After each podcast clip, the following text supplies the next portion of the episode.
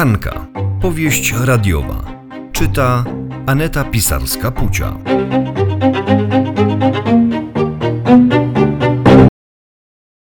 Powieść radiowa Hanka, odcinek ósmy, Kaskader Armando.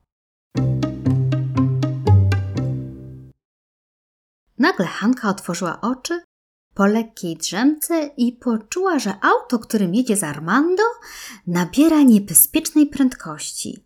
Na liczniku błysnęła dwusetka, a Hance błysnęło przed oczami całe jej życie. Potem jechali drogą już tylko w blasku fleszy radarów, które świeciły im w oczy niczym lampy błyskowe aparatów paparazzi. No, w tej chwili rzeczywiście mogli być sławni. Jedynka w gazetach mogłaby być ich na tle wraku samochodu. A na paskach informacyjnych w wiadomościach Hanka już widziała mroczny napis. 35-letni mężczyzna, jadący wraz z 35-letnią kobietą, uległ tragicznemu wypadkowi na trasie z Bieszczad do Warszawy.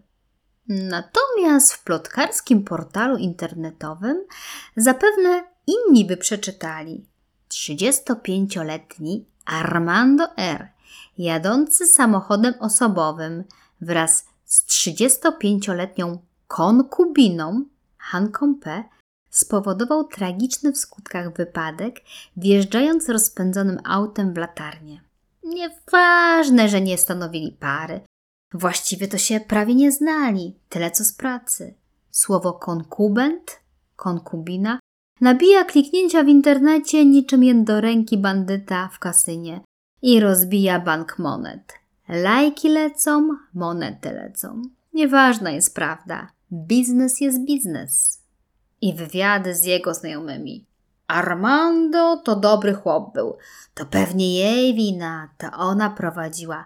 Pewnie pijana była, albo i gorzej. A on wziął całą winę na siebie, bo dobry chłop był z niego. I teraz najlepsze wywiady z jej koleżankami. Nawet jej nie lubiłam, zarozumiała Dziunia z kredytem na mieszkanie na snobistycznym osiedlu. Co on w niej widział? Zwolnij, słyszysz? Armando, zwolnij, czyś ty oszalał?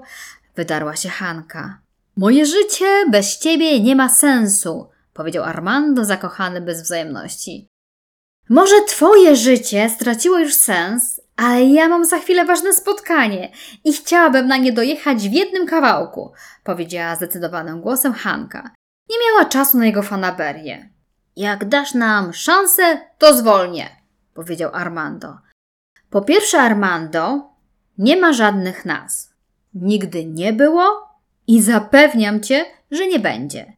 Przecież ci wczoraj po raz setny powiedziałam, że jesteśmy kumplami z pracy i nie zamierzam zmieniać konfiguracji tej znajomości. Po pierwsze, z kolegą z pracy nie wchodzi się na drugi level znajomości. Demo znajomości na płaszczyźnie zawodowej jest w zupełności wystarczające. I tego powinni się wszyscy trzymać, zwłaszcza w korpo. I ty o tym powinieneś wiedzieć. Związek w pracy? Głupi pomysł. A z żonatym? Jeszcze głupszy zaśmiała się Hanka. Poza tym ja jestem w stałym związku.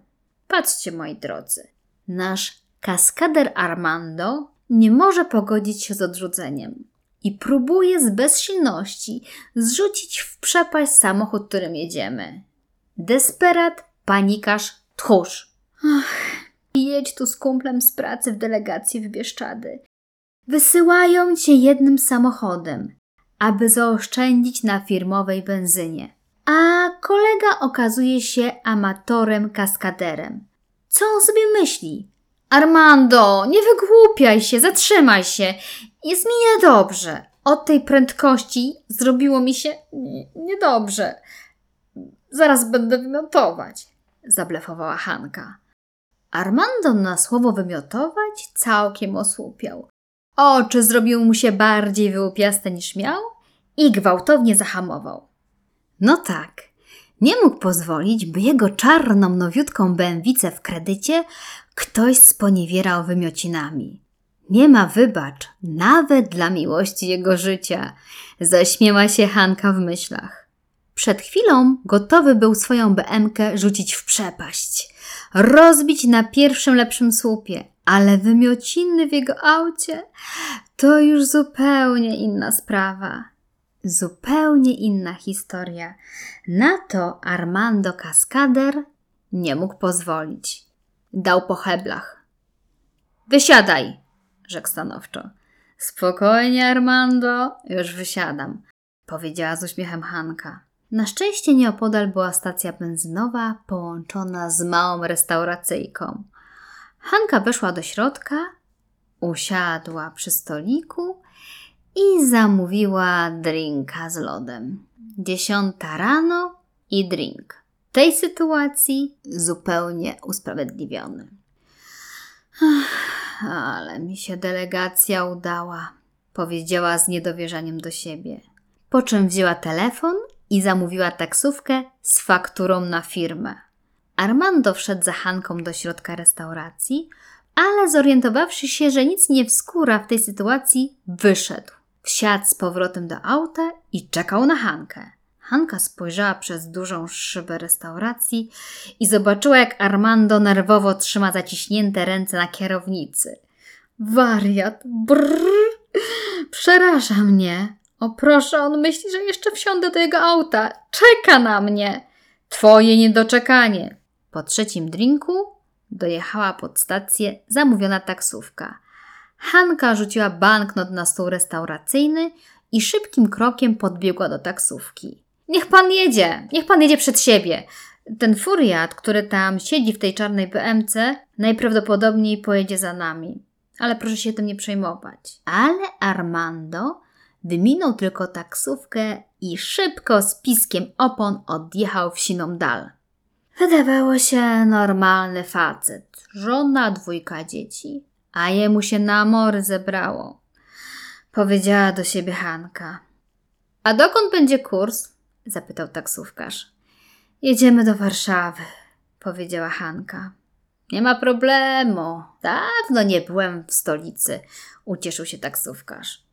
Nie ma czego żałować. Roboty jest tam zawsze po łokcie, powiedziała Hanka. A w skrzynce mailowej sterta rachunków, na które człowiek pracuje od świtu do nocy. Do tego delegacje z wariatami. Panie kochany, ja to bym się chętnie z panem zamieniła. Rzuciła to wszystko i zamieszkała w małej drewnianej chatce w Bieszczadach. Mówi pani i ma. Możemy zawrócić.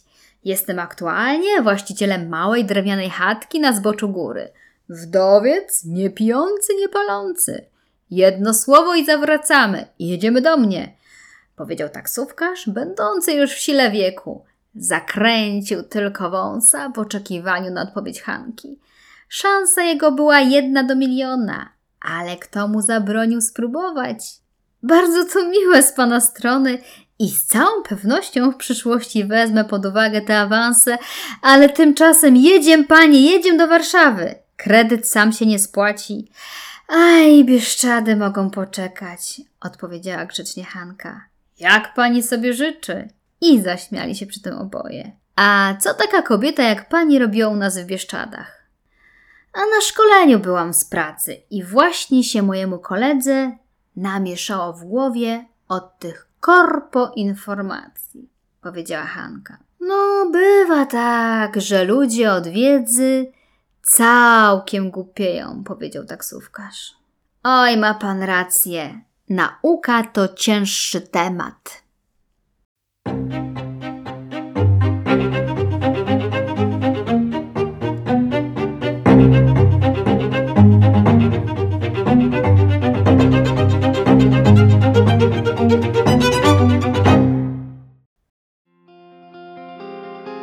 Słuchasz Radia Motyw.